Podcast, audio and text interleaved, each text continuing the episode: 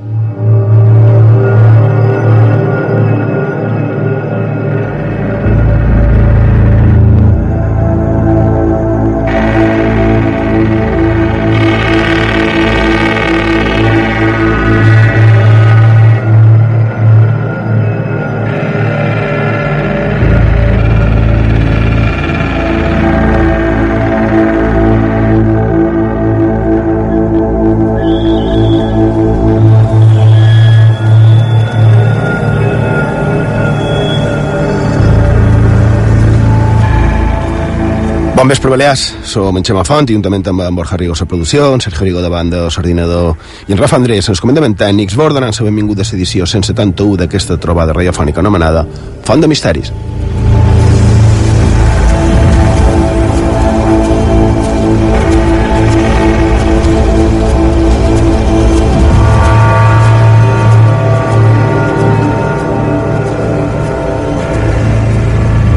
No sé si, si us heu fixat, però en poc temps han sortit, i també han comentat, com a, podríem dir com a massa casos de, propis no? d'aquesta anomenada teoria de la conspiració. És a dir, la teoria aquesta que diria que hi ha un poder paral·lel, o no tan paral·lel, que maneja els fils i que també, segons aquestes teories, també maneja, manejarien no? a, a governants, i per tant manejarien a, a tothom, manejarien tot, manarien per tot, no? Teories que dirien que la versió oficial no és la que realment pot haver succeït i que ens amaguen la informació o, o que ens enganen i així tindrien que no sempre els governants són els que manegen els fils, no? sinó que membres amagats de, del poder econòmic o, o social els hi farien ballar com ells volguessin. Això sempre s'ha dit, hi ha casos a la història que, que ho demostren. Encara no han parlat, però n'hi ha. Ja siguin o bé societats secretes aquí s'hauria de parlar de la maçoneria per exemple. I també, clar altres del que ara s'anomenen lobbies per exemple és de, de la banca. I dins això de la banca aquesta setmana dins podríem dir cercles més amagats, s'ha comentat l'estranya manera, podríem dir, en què s'ha tractat la mort del patriarca d'un dels llinatges més famosos del món, en David Rockefeller.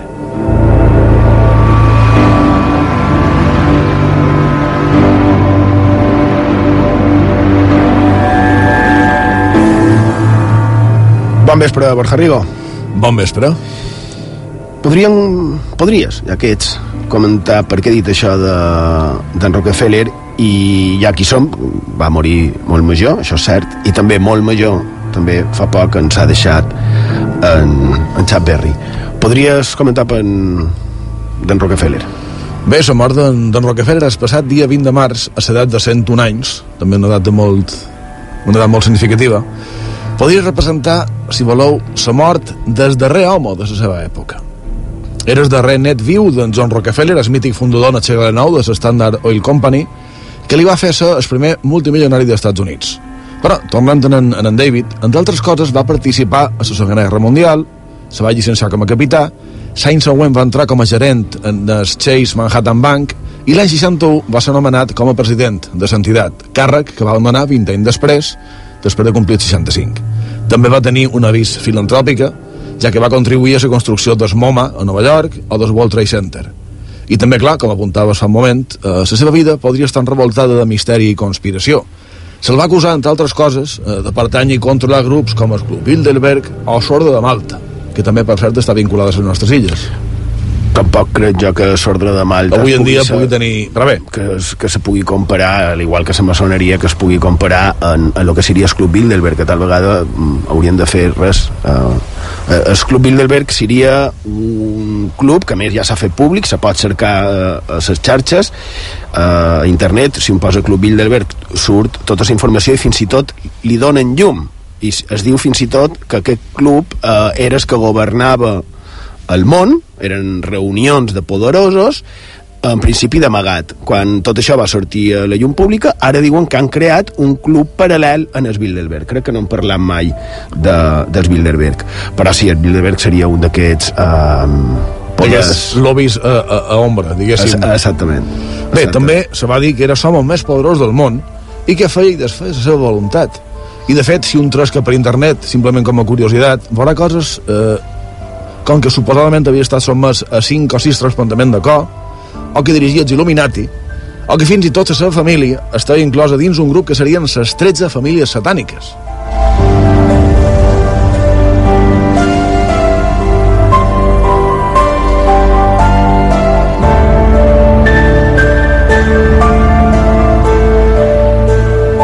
I és curiós perquè pens que no se li ha donat eh, la notícia de la mort d'aquest senyor per la seva transcendència no se li ha donat la difusió que se li hauria no, és. És, és curiós no sé. perquè sí que ha aparegut, la notícia va aparèixer a mitjans sobretot econòmics mitjans d'internet econòmics i evidentment a moltíssimes pàgines dedicades en el, en el misteri però a mitjans, diguéssim convencionals, convencionals no, no ha tingut Sí, la repercussió que pensam que hauria d'haver tingut. O no, tal vegada som nosaltres que ho mitificam, que també podria ser. El que sí és un, un mite i no el mitificant és en Chuck Berry. Chuck Berry, que va morir també fa, fa uns pocs dies, dia de 8 de març, i era considerat el pare del, del rock and roll. 90 anys de vida, plena d'èxits, no podem oblidar el famós Johnny B. Good, però també una vida plena de, de turments a, a nivell personal. Sí, un, un home mític que, que va fer, bueno, hi ha qui diu que és fundador del rock and roll com a tal i bé, que el Manco ha, ha pogut viure una vida que mos ha deixat un, un gran llegat. Sergio Rigo, bon vespre. Bon vespre, Xema. Podríem anar, anar per feines, perquè després d'haver fet un, un parell de programes seguits parlant amb científics dedicat a, a la ciència, a la ciència en mayúscules, en catedràtics com a, com a convidats. Aquesta setmana ens anem una altra vegada a un tema que, que ens apassiona, bé com els altres, evidentment, però amb un tema que és uh, atractiu, que també ens ve d'antic i que també és actual. No? És un d'aquests misteris de sempre, un d'aquests temes que mesclen també la uh, nostra tradició en la nostra actualitat i que també, a part de tradició i llegenda, també entram dins els misteris més aterridors i moderns. De què parlarem avui, Sergio Rigo? I en aquesta edició, ja la número 171 de Font de Misteris, tractarem el fenomen conegut com a poltergeist. Des de quan es té constància històrica? En què consisteix? Quins casos coneixem a les nostres illes? A la darrera part del programa, com sempre, repassarem l'actualitat de la setmana amb diversos i llegirem els missatges dels oients a la secció de xarxes socials. I, evidentment, avui també com sempre, però encara més si, si voleu compartir els vostres testimonis del tema que han triat per avui, quin casos coneixeu, i si vos ve de gust, tenim els nostres sistemes de contacte oberts, avui i sempre. Hm? I recordeu que no només ara, quan s'emet el programa, sinó també si ho escoltau més endavant, ja sigui a les redifusions o mitjans a sistemes de podcast, i de, en aquest cas també tenim obert el, el WhatsApp i el correu i els altres mitjans que són al vostre abast. El podries dir, Sergio? I de ja sabeu, des d'aquest moments ens podeu enviar tot allò que vulgueu, tant a Facebook com a Twitter, cercant Font de Misteris. Ho podeu fer enviant els vostres missatges, suggerències i comentaris. També podeu enviar el que vulgueu en el WhatsApp del programa 659 16 69 52. Ho repetim, 659 16 69 52. I per, acabar, per acabar també Teniu en el vostre abast el correu electrònic fondemisteris arroba ib3radio.com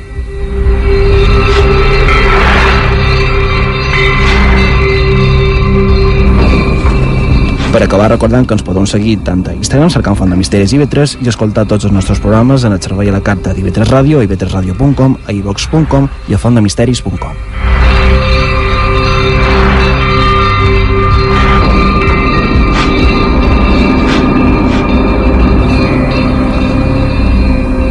I d'avui a Font de Misteris dedicarem el temps a fer un programa, com ha dit en, en Sergio en el, en el sumari, dedicat a parlar dels anomenats fenòmens paranormals, d'aquells més esgarrifosos que quan es produeixen, quan qualcú creu haver-los viscut, són del més ferest que hi pot haver.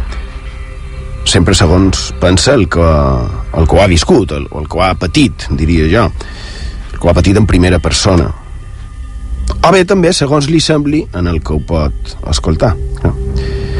Primer i molt breument dic que el fenomen Portelgeist, que és com es diu a l'actualitat, esteu d'acord que, que sembla ser un concepte nou i que té un nom alemany. No? És una paraula composta d'altres dues que vol dir renou i esperit. Podríem dir, tal vegada, que respondria a aquest terme actual, no?, de poltergeist, en el que antigament deien un esperit eh, burlon, no? o millor dit, un dimoni boiat, un, un familiar. Bé, no exactament. També podríem dir un follet o, o un barruguet. Eh? No és exactament això, però sí seria un d'aquests éssers que hi són, evidentment, a la nostra mitologia pròpia, en el nostre bestiari llenc, i en el que s'hi atribuïa qualsevol cosa estranya que passés i que segons com ho tractem és cosa de riure, no?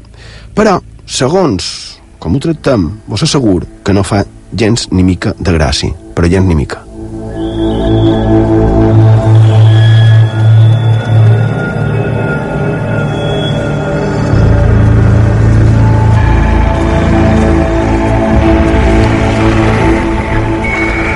Deixarem de banda tots aquells casos on s'evidència ens parla de frau, directament, aquell casos són el testimoni, el qui produeix de manera directa i conscient el suposat fenomen, és a dir, que no hi hauria fenomen, sinó que seria una mentida directament. És el típic cas de ganes de cridar l'atenció, de ser et centre i, i semblants. Però no sempre és així, ni molt manco.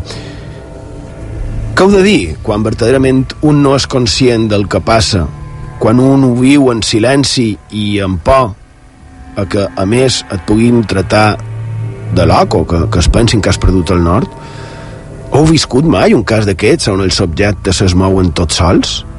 On et senten renous que sembla com si ningú no els produís? Olors estranys que no té sentit que s'olorin en aquell moment? Desaparicions o aparicions sobtades incomprensibles d'objectes? Què hi deu haver al darrere de tot això?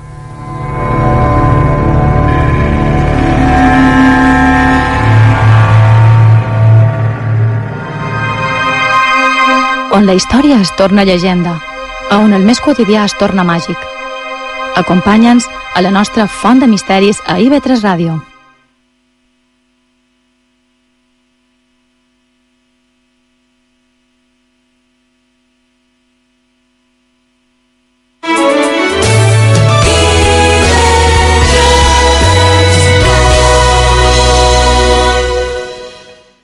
Tens la clau. Dóna l'oportunitat a la gent d'accedir a un habitatge. Si tens un pis buit, cedeix-lo al programa Palma Habitada de l'Ajuntament de Palma. Et millorarem les garanties perquè hi puguis oferir el teu habitatge amb seguretat. Informa't en les oficines del Patronat de l'Habitatge o entra al web palma.cat perquè que meva és que vostra. Ajuntament de Palma. Pensant en tu. IB3 Ràdio t'ofereix la millor qualitat de recepció. Sintonitza la ràdio pública de les Illes Balears. Eivissa i Formentera, 93.7. Misteris i llegendes a Font de Misteris, amb Xema Font.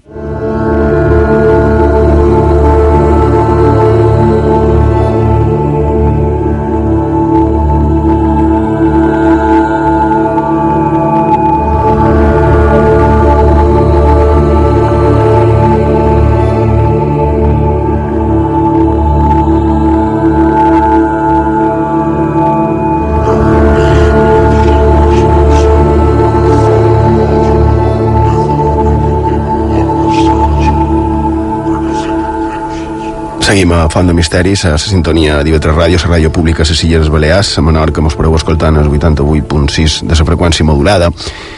I, com dèiem ara fa un moment, parlarem dels coneguts com a fenomen poltergeist. És a dir, avui, que podríem dir històries de por, directament. Històries d'aquestes que, que t'impedeixen dormir. Bé, si ho escoltes directament a la ràdio encara no és massa tard, però si ho fas mitjan podcast o la carta, tal vegada sigui millor que encenguis un llum, no sigui que s'encengui tot sol.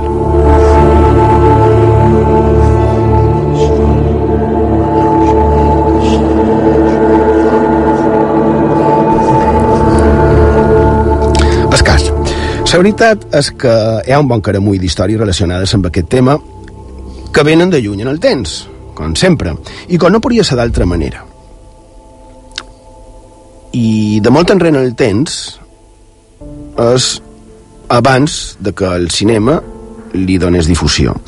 Parlant de cases, d'indret, de llocs, de punts, també de la, de la nostra geografia, on es produeixen fenòmens estranys relacionats amb el desconegut, i que fan que un, quan ho viu, com a mínim, es plantegi de que pot ser, no? de què es pot tractar, que qui o com pot fer que, per exemple, estan tot sol a casa de l'habitació del costat sembli que qualcú toca a la porta o per exemple que en el corredor de casa teva on no hi ha ningú aparegui sobtadament no se sap d'on aparegui redolant una piloteta que acaba estavellant-se contra la porta que hi ha al final del passadís.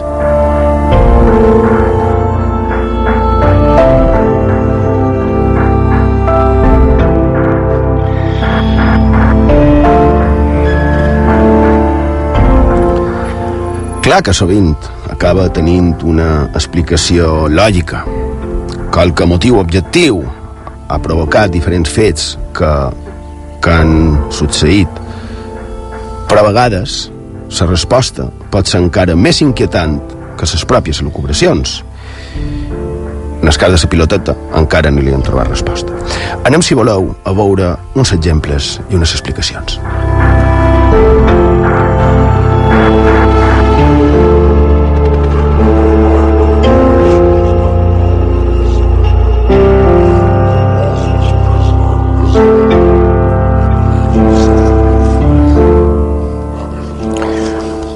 Anem amb un d'aquest tipus d'explicació en el fenomen que el manco per allò és més inquietant que el propi fet. Sovint aquest fenomen es manifesta de manera que sembla com a, com a trivial, com a infantil, com si estiguessin jugant amb el, amb el testimoni. Fenòmens que pareix que criden l'atenció de manera grotesca, burlona, que no sembla seriós. Hi ha qui tracta de mantenir contacte amb el, amb el causant dels estranys fets. I quan s'estableix comunicació, si s'aconsegueix comunicar-se, diuen que se sol trobar que hi ha semblances entre els casos. És a dir, que podria tenir més relació amb l'espiritisme, entès com a tal, que no en causes alienes. Com, per exemple, que el que ho provoca sigui, de manera inconscient, qualque persona. Ja ho anirem veient tot això. Però hi ha qui diu que puguin ser moviments o correguts, millor dit, mm, produïts, no? de manera involuntària per la psique de qualcú. No? Atenció a això. Anem a un dels casos més famosos i estudiats, eh, conegut com a, a poltergeist de Rosenheim, i això és estiu de l'any 1967, amb informes de científics, com el d'un jesuïta, que era científic, filòsof, teòleg, físic, a part d'altres coses. Bé, el cas. Eh, carrer Conquestràs, 13, un bufet de missès, i les bombetes de la llum esclataven totes soles, els neons, els, els fluorescents, també, les màquines de fer fotocòpies, pensem que estem l'any 1967, no eren com d'ara, tenien àcids de dins, i d'aquest àcid el, el treien per tot i venien, les arreglaven, les repassaven i tornava a passar el mateix. També telèfons que sonaven tots sols, els fusibles de, de la llum que es fonien, cops a les parets, sense saber d'on venien, un quadre, diuen que això està enregistrat en vídeo, que dona voltes damunt del seu propi clau ganxo, un armari que es movia tot sol amb un pes de més de 100 quilos, un telèfon cridant tot sol en el número de, el número de servei despertador, fins a sis vegades en un minut, quan en aquell temps, any 60, 67, recordem, en aquell temps per establir la connexió feien falta com a mínim 15 segons.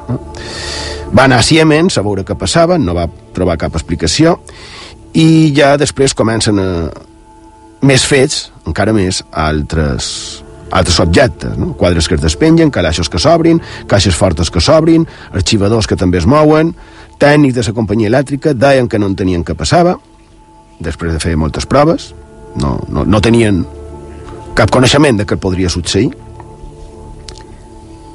tampoc és de la companyia de telefons, tampoc aquell jesuïta, ni els missers que estaven allà. Missers és com es diu a Mallorca i Menorca abogats. Fins que va trobar un nexe. Aquests fenòmens passaven quan ella hi era, una lota que feia de passant, i et suposa que era ella, de manera inconscient, la que ho provocava fins al punt que quan ella no hi era, la senyoreta Anne-Marie Schneider, i aquests estranys fets desapareixien. I fins i tot ella tenia certes afeccions físiques personals eh, en el seu cos quan era dintre d'aquell despatx. Aquests fets diuen que varen ser estudiats fins i tot per físics de l'Institut Max Planck d'Investigació Científica, eh? un prestigiós centre on hi ha hagut hi ha gent desnivell, si no record malament, gent desnivellats de la menorquina, la doctora Alicia Sintes. La veritat és que no conec exactament quin va ser el resultat que varen treure de la seva investigació.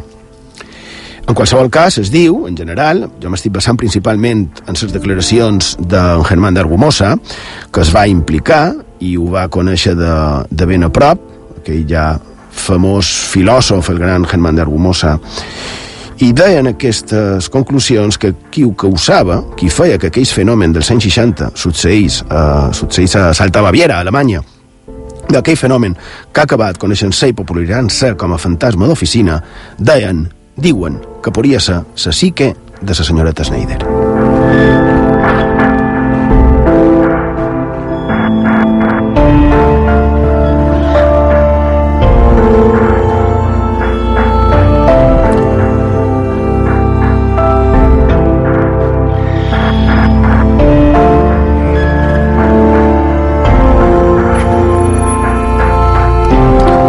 Schneider. Fins i tot hi ha qui diu que aquesta lota, un pip va ser acomiadada del despatx on feia feina, ja que van comprovar que els fets estranys i caòtics només es produïen quan era ella, i de, encara així, aquest tipus de fenomenologia va continuar, però no en aquell bufet, no en aquell despatx de missers, sinó que varen continuar allà on va anar ella, a cedir, l'acompanyaren.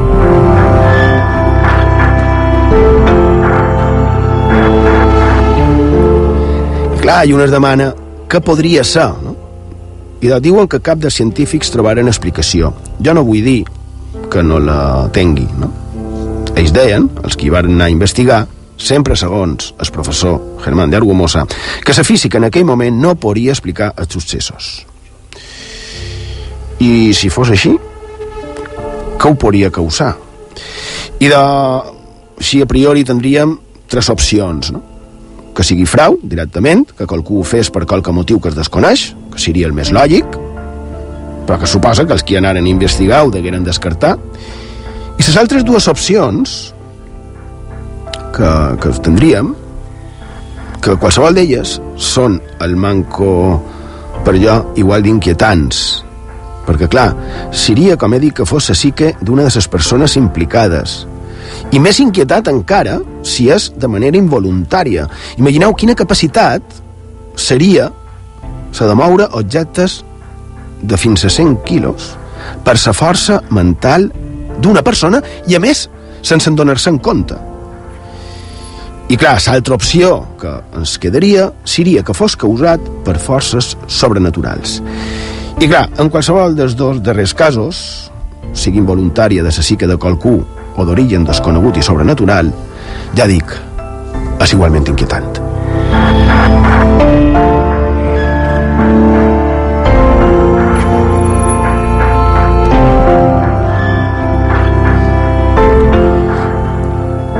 I he volgut triar aquest cas perquè pot servir com a exemple d'un cas del que es coneix actualment com a, com a poltergeist. No? És un cas de renom internacional, també l'he triat com una mena d'homenatge en Germán de Argumosa, de sa joventut.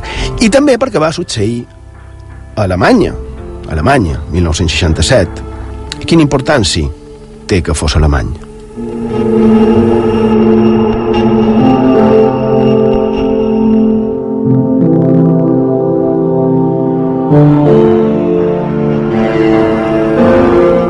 I de realment poc. Però clar, el nom, Poltergeist, crec que ho he dit, no, Borja? He dit, és d'origen és alemany, no? Ho dit, ho he sí. dit abans. I d'això, és d'origen alemany.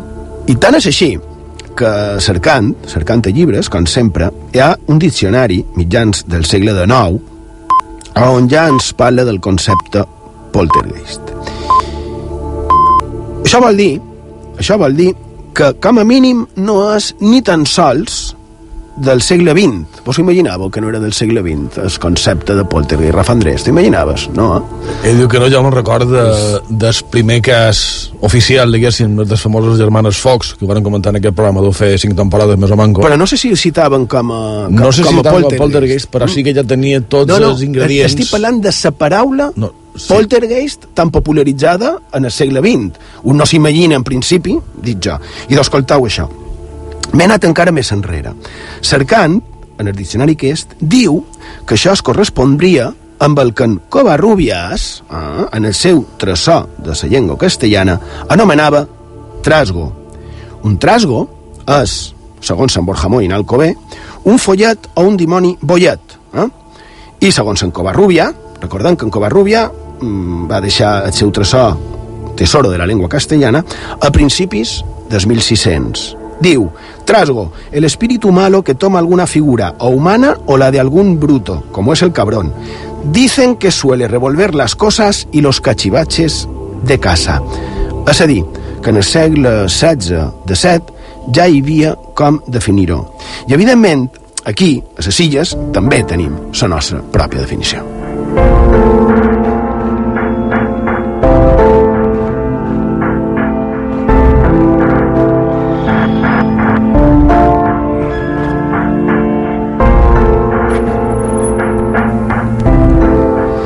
I per cert, tem per mi que la primera vegada que es va emprar la paraula poltergeist com a tal, sabeu realment quan va ser? Quan es va emprar en alemany, evidentment, per definir una mena de fantasma, d'energia, d'essa que pertorba, i de segons alguns autors va ser en Martín Lutero. Imagineu, aquell teòleg agustí que va iniciar aquella reforma protestant, luteranisme, a principis del segle XVI. I precisament va fer ús d'aquesta paraula per uns estranys fenòmens que va viure en primera persona. Així que podem comprovar que no és una cosa recent i molt manco del cinema.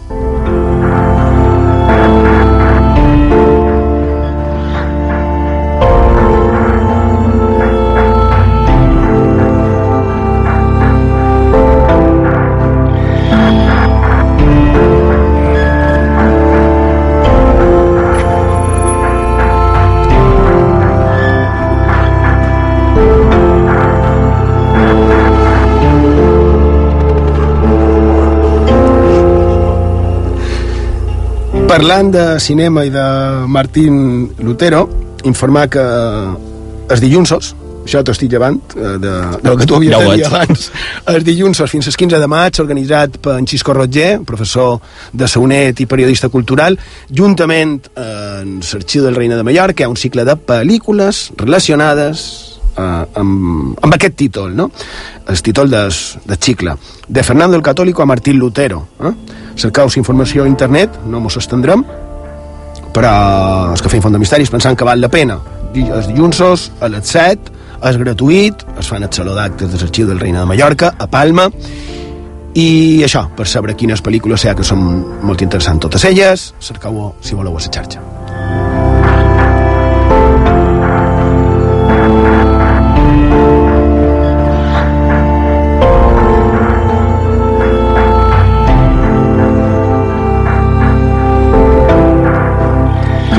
I que ho penjaven al Facebook també per seguir que vulgui anar. Ah, vàlid, ara quan, quan acabem o ara mentre, com estàs sense ordinador, ho fas.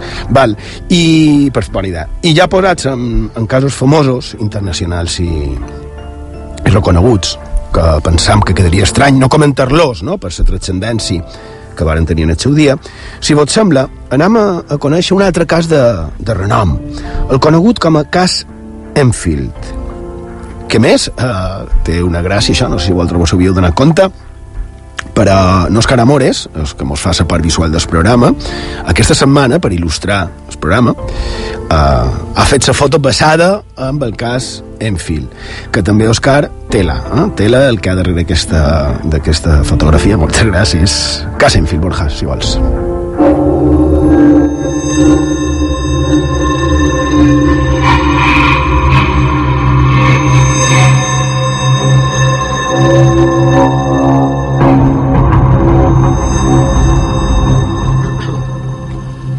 Bé, per recordar un dels casos poltergeist més importants i, i famosos a nivell internacional, a part de, de Salamany que he dit abans, anant fins a fins a la Terra l'any 1977.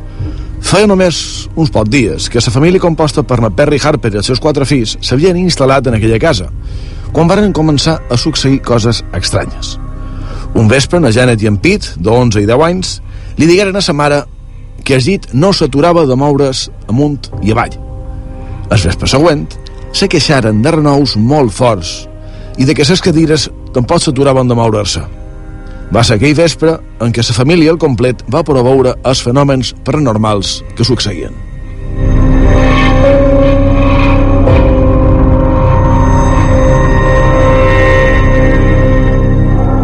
Dia 31 d'agost d'aquell mateix any, na Perry va demanar ajuda als seus veïnats per mirar de trobar les causes dels fenòmens, però no trobaren res. De cop varen començar a sentir grans renous de procedència desconeguda i damunt les 11 de vespre varen telefonar a la policia. Quan arriben els, els agents, també varen poder sentir aquells renous, però tampoc saberen trobar-lis una explicació lògica.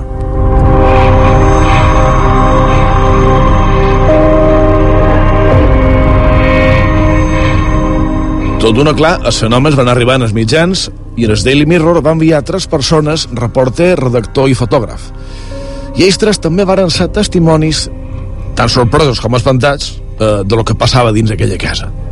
Va ser un d'ells, precisament, en George Fallows, qui va posar-se en contacte amb la SPR, la Societat per la Investigació Psíquica, qui una setmana després de que comencessin els fets va anar a sa casa acompanyat pels periodistes. I també va presenciar coses ben estranyes. Entre les 10 i les 11 del vespre varen veure com una cadira s'aixecava més d'un metre d'alçada i se desplaçava per l'aire per tota l'habitació dels nins.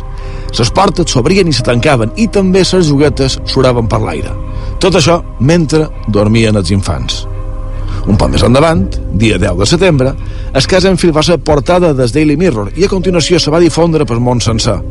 A més, la família va ser entrevistada per la BBC, però segons pareix, les cintes van ser esborrades misteriosament. Aquí no podem saber exactament què va, què va succeir. Però els fenòmens havien de fer-se més i més espantosos. La Janet va començar a actuar de manera molt estranya.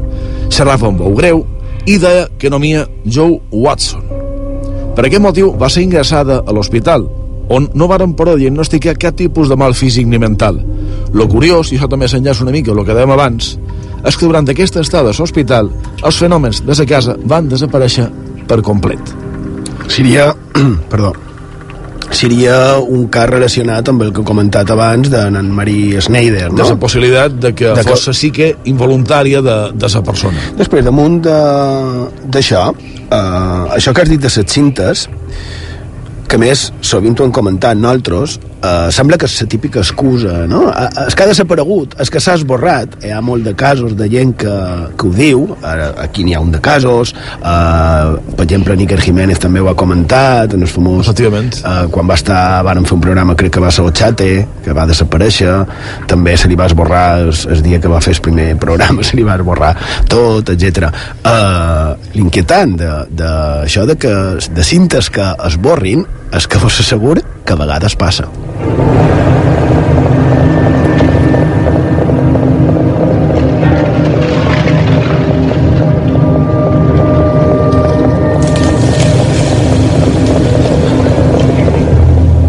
que també hem de recordar que no només són les cintes, que moltes vegades telèfons mòbils que s'apaguen quan no tocaria, càmeres de no, vídeo i de fotos... No, no xerris de que res. Ara me'n recordo una que va no. passar a mi, que ja coneixeu. Uh, sí, i no ha estat única. No. Segueix, Bé, amb aquesta de, història. Sí, al final d'aquesta història tan desconcertant va tenir lloc, segons pareix, el mes d'abril de 1979, quan el famós matrimoni Warren, que ara de moda pel, pel cinema, com deies tu abans també, eh, dedicat a investigar aquests assumptes, eh, van aconseguir treure el limoni, o el que fos, que tenia de dins aquella nina.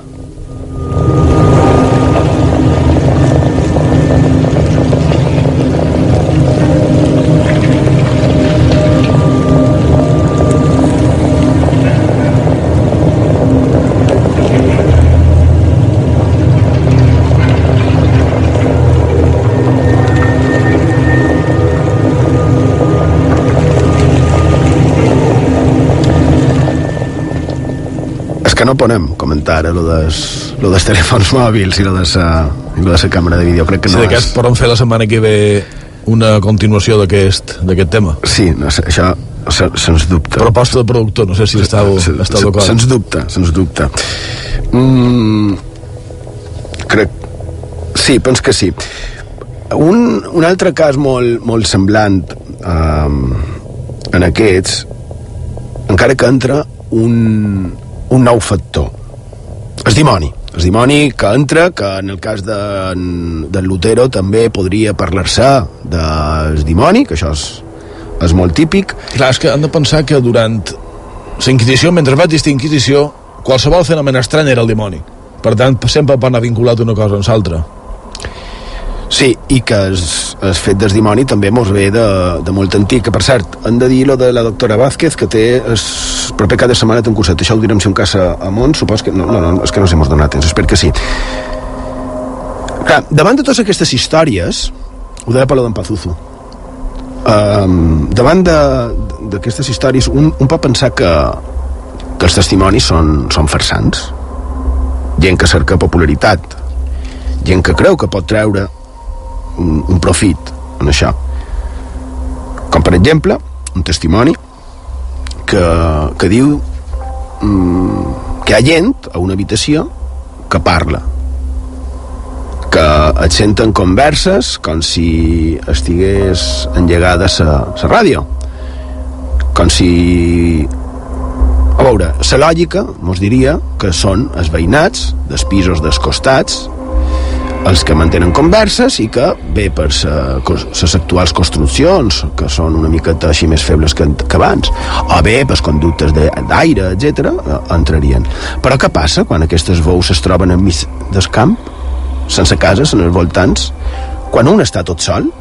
I a més resulta, per exemple, un cas determinat que 60 anys enrere aquella casa a la que faig referència va ser emprada, aquella mateixa, directament, una casa aïllada enmig del camp, i va ser emprada com a morgue on guardar els cadàvers d'un accident d'avió. Mm? Faig referència a un accident d'avió d'un vol que bé, se deia que se diu encara, hi ha llibres que així ho diuen, que aquest vol venia cap a, cap a Mallorca. La seva destinació, ho vaig estar comprovant, i era cap a les Palmes, és la típica errada de confondre Palma amb les Palmes, però tant se fa. Però el cas cert és que aquest avió es va estavellar a l'illa de, de White, a, a les aigües de Regne Unit. I un pot pensar que, que es voler tenir popularitat jo no ho crec no, no crec que, que ningú allà en aquella casa aïllada no? però pot haver que sí que que ho cregui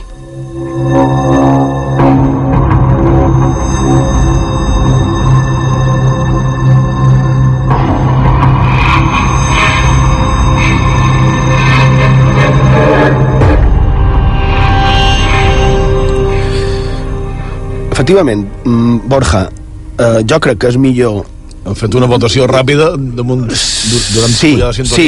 Uh, val, feim això. La propera setmana seguim amb el tema.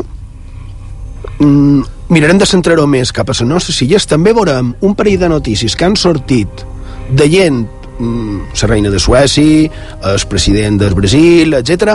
Gent que darrerament ha parlat públicament de fenòmens tipus eh, poltergeist i parlarem dels casos directament relacionats amb les nostres illes.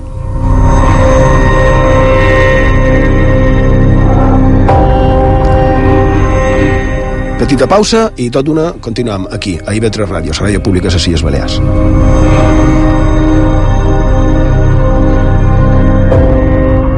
Misteris i llegendes a Font de Misteris, amb Xema Font.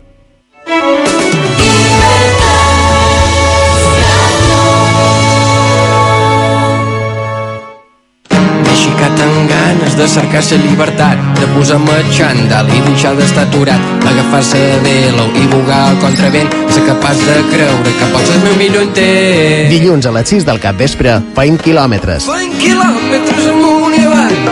Amb Joan Martí i Mercè Valero. Allà on les coses passen quan... Corre! Feim quilòmetres amunt i avall. A IB3 Ràdio. IB3 Ràdio t'ofereix la millor qualitat de recepció. Sintonitza la ràdio pública de les Illes Balears.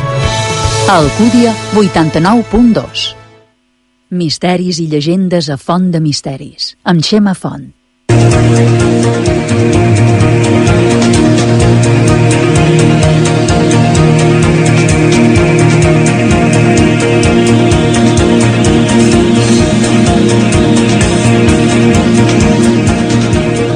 Font de Misteris, a sintonia d'IV3 Ràdio, la ràdio pública de Illes Balears, a Eivissa i Formentera mos podeu escoltant el 93.7 de la freqüència modulada i també a través de la xarxa, a iv3tv.com i com hem dit abans, bé, ara comencem la secció que nosaltres som anant molt diversos, som tractant d'espipellar una miqueta el que passa en el nostre voltant, el que trobam que és adient a les temàtiques del programa i començarem parlant de lo que he dit abans, com a mínim, del curset de la doctora Vázquez. Efectivament, començam aquesta setmana la secció de mons diversos xerrant dels nou curs que fa la doctora Ana Vázquez Ois a Palma.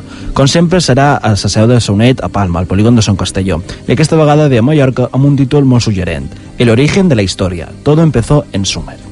Al llarg de dos dies, el divendres 7 d'abril, sobre baixa de 4 i mitja a 7 i el dissabte de matí de 9 i mitja a 2 i mitja, Ana Vázquez Ois parlarà de les arrels de la cultura de Sumèria, dels primers semites, dels amorites i de la religió maia i mites mesopotàmics.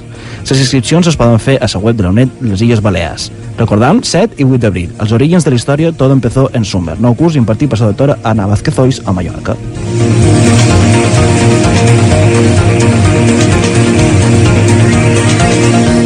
Bé, només val 20 euros, eh, és, és presencial, o si no, mitjans streaming, mitjans internet.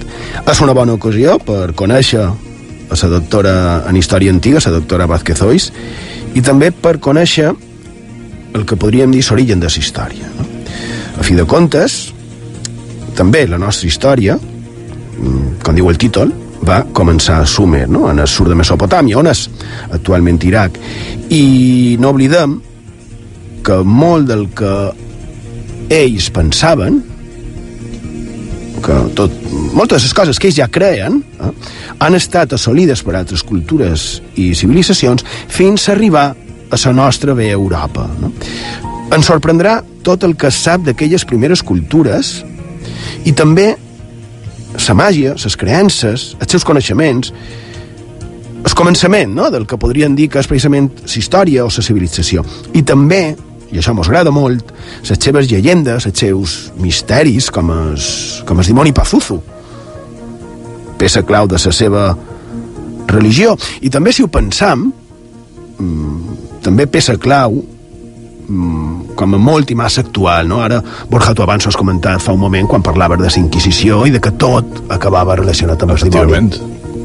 Tot era, tot era cosa del dimoni i a més, no sé si ho anaves a dir ara, però allà ja ve directament eh, el dimoni Pazuzu, també relacionat amb el cinema, evidentment, i també amb, amb històries molt semblants a les que hem contat avui. Exacte. El protagonista indirecte de la famosa pel·lícula de L'Exorcista. Efectivament. O sigui que tot això, també en Lilith, els Anunnakis, no? exorcismes, que m'acaba de dir, i història en mayúscula.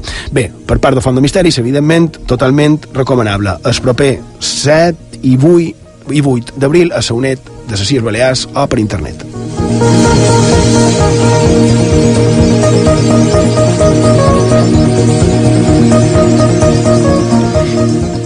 I una altra activitat que ve amb el bon temps. Sergio. I d'ací ara xerrant d'activitats que tornen, com és el cas de les visites a les terrasses de la Seu de Mallorca, a partir d'aquest dilluns 3 d'abril. Com sempre, s'haurà de fer reserva i pagament a web de la Catedral de Mallorca i queda reservada la visita als residents de les Illes Balears els dissabtes en el torn de les 8 hores, de forma gratuïta. De les 8 o de les 9? De les 9. De les 9, el dissabte és gratuït, el resta eh, amb un pagament que podríem dir que és eh, simbòlic per al que és, és a dir, és pujar a les terrasses de la seu de Mallorca. Hi ha unes vistes precioses, eh, és increïble, a Hem més... de dir que nosaltres ja ho hem fet, de en vistes. Que per cert, un dia d'aquests eh, s'obrin uns vitralls també de la, de la seu. El dilluns mateix, també. És, és dilluns, no? Sí. Passat demà. Uh, Ara, si, si me permeteu el comentari, jo vaig trobar a falta qualque japerut. Dins, sí. Però bé, a, a part, a part d'això, és una visita francament eh, fascinant i sorprenent. Imagineu, que vos davant la gran rossassa de, de la seu de Mallorca, I veure a través d'ella l'interior efectivament. de la seu.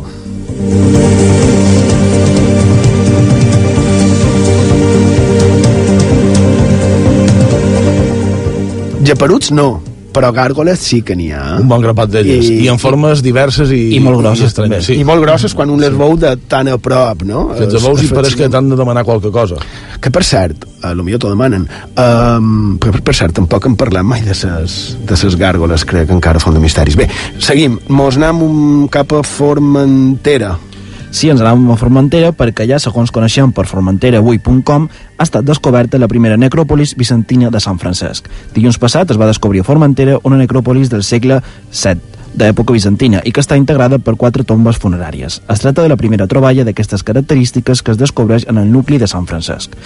Bé, uh, va ser a la tanca, a la tanca Bea, i bé, uns terrenys privats, però és curiós com les civilitzacions, les cultures, ara que parlaven de la història, han anat sempre superposant-se una de vora l'altra, no? Bé, eh, la tanca Bea està eh, a Sant Francesc i són tombes, en principi, reaprofitades.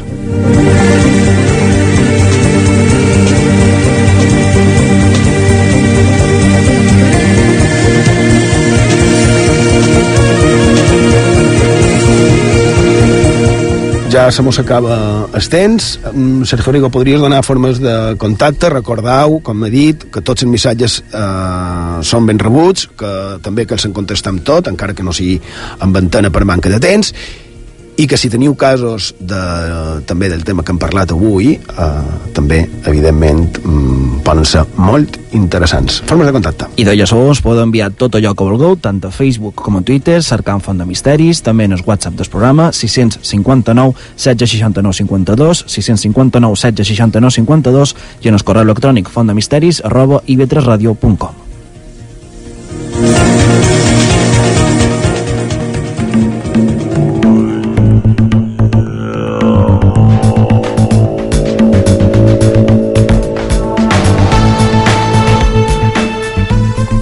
hem arribat a la fi del programa d'avui. Esperem que heu passat una estona agradable, que heu pogut treure qualque cosa a profit d'aquesta font de misteris.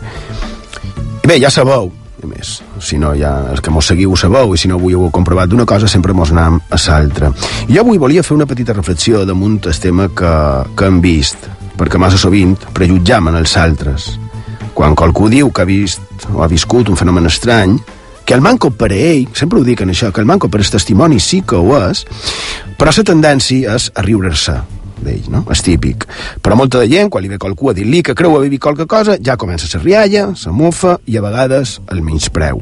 I clar, en cas de testimonis, podrien dir que el màxim que pot passar és que quan un tingui una vivència que pot semblar estranya, el que farà, normalment, és callar i així passarà de I també Somanco, damunt d'això volia parlar avui. Però aquesta setmana han pogut veure les notícies massa casos on es prejutjar pot representar o crear problemes a molta de gent.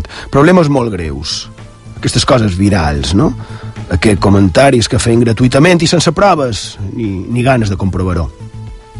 Dos exemples. Un vídeo que sembla d'una consulta d'un metge on es veu una repugnant agressió a una, a una empleada d'aquell centre per part d'un home. Sota el vídeo exposa que aquest home era de cert col·lectiu. No? Deia que aquelles imatges havien estat enregistrades en el nostre país i que l'home havia quedat impune. I la veritat és que, encara que repulsiu, no era cap centre de salut d'aquí, ni era cap ciutadà d'aquell col·lectiu. Però les xarxes, ben actives, donant difusió en aquell vídeo on s'inculpava a tota una comunitat. O una altra, en aquest cas una foto, que afecta directament a una persona, ara referent en els terribles i absurds, sense cap sentit, l'atemptat de Londres. Setmana passada, una dona, vestida de la manera que acostumen alguns membres de l'islam, passa pel pont a uns minuts abans havia hagut l'atemptat. Es veu una persona al terra, una víctima, i aquella lota que passava per allà. Ningú es va demanar res. Només deien que per què no s'aturava i ja tot eren acusacions cap a aquella al·lota. Ningú no es va fixar que com a ella n'hi havia molt més allà, que feien exactament el mateix, passar per allà, que ella res més podria fer. Ningú es va fixar que tots els afectats ja eren atesos? I per què aquella lota va ser víctima dels atacs a la xarxa i del fenomen aquest de la viralització? Per la seva aparença, i fins i tot el fotògraf que va publicar aquella fotografia va haver de sortir en la seva defensa. Per això pens que estaria bé que abans de prejutjar, de creure'ns superiors en els altres. Penséssim que fins i tot nosaltres podem ser víctimes. Qualsevol. Ho dic sempre. I avui també. Com a utopia de gairebé la mitjanit del dissabte i 3 Ràdio, estaria bé que analitzéssim, que cerquéssim respostes i que no deixéssim que les aparences o el que ens vulguin mostrar sigui d'home de fer que tinguéssim el nostre criteri, basat en la lògica, la coherència i el respecte. I que no siguem fàcils de manipular, no? I com diu la cançó, és mentira que un bulo repetido merezca ser verdad. Ah, i una altra cosa, respecte en aquella lota de la foto dels pont, i quan un ampliava la imatge, en aquella cara hi havia el que haurien qualsevol ben nascut en aquella horrible situació. Por, ràbia, desesperació i impotència. Joaquín Sabina, és mentira. Hagi Pau, bona nit. Gràcies per la vostra companyia i fins la setmana que ve.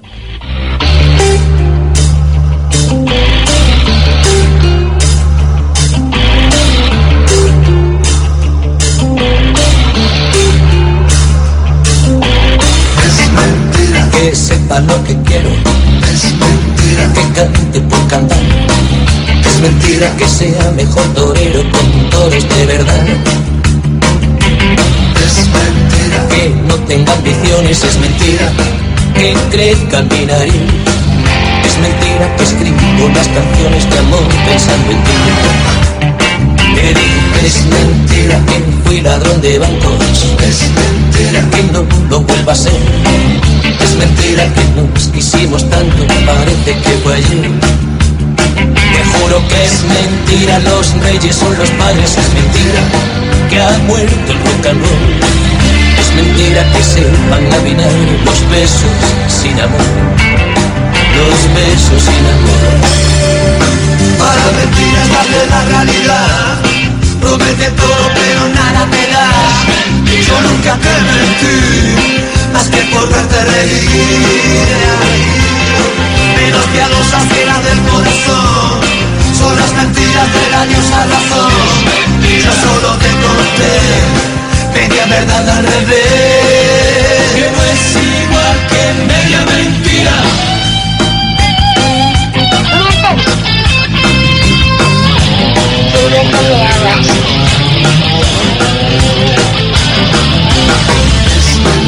Que no tenga enemigos, que no tengan razón. Es mentira que acepte que el ombligo del mundo no soy yo. Es mentira que no te haya mentido, es mentira que no te mientan más. Es mentira que un bulo repetido merezca ser verdad. Es una gran mentira que mientan los boleros, que nos dieran las diez. Es mentira que sería un caballero cuando nadie me ve.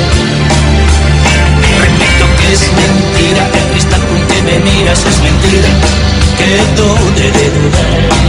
Es mentira que más de cien mentiras no digan la verdad. No, no digan la verdad. Para mentiras parte la realidad. Promete todo pero nada te da. Yo nunca te mentí, más que por verte reír. Y los piadosas tiras del corazón, son las mentiras de la diosa razón. Yo solo te conté, media verdad al revés. Mejor que yo miente la necesidad, sabe de sobra cómo hacerte llorar. Mi crimen fue vestir de azul al príncipe gris. Mira las piernas de la desolación, lleva las medias que rompió la pasión. Yo solo canto el blues, el que perdió el autobús. Oh, los sueños dicen la verdad, corazón, dímelo todo. Mientras me por tu amor, yo solo pretendí poder reinar como al fin, al fin. Y cuentas a la pura verdad.